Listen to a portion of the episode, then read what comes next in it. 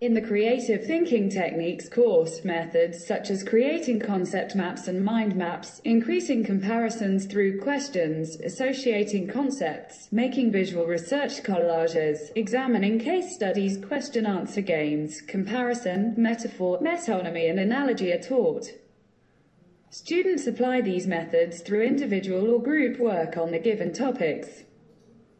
Within the scope of this course, guests working in the field of creativity such as creative director, creative team leader, and art director at least once a semester are invited and their working processes are shared through presentations.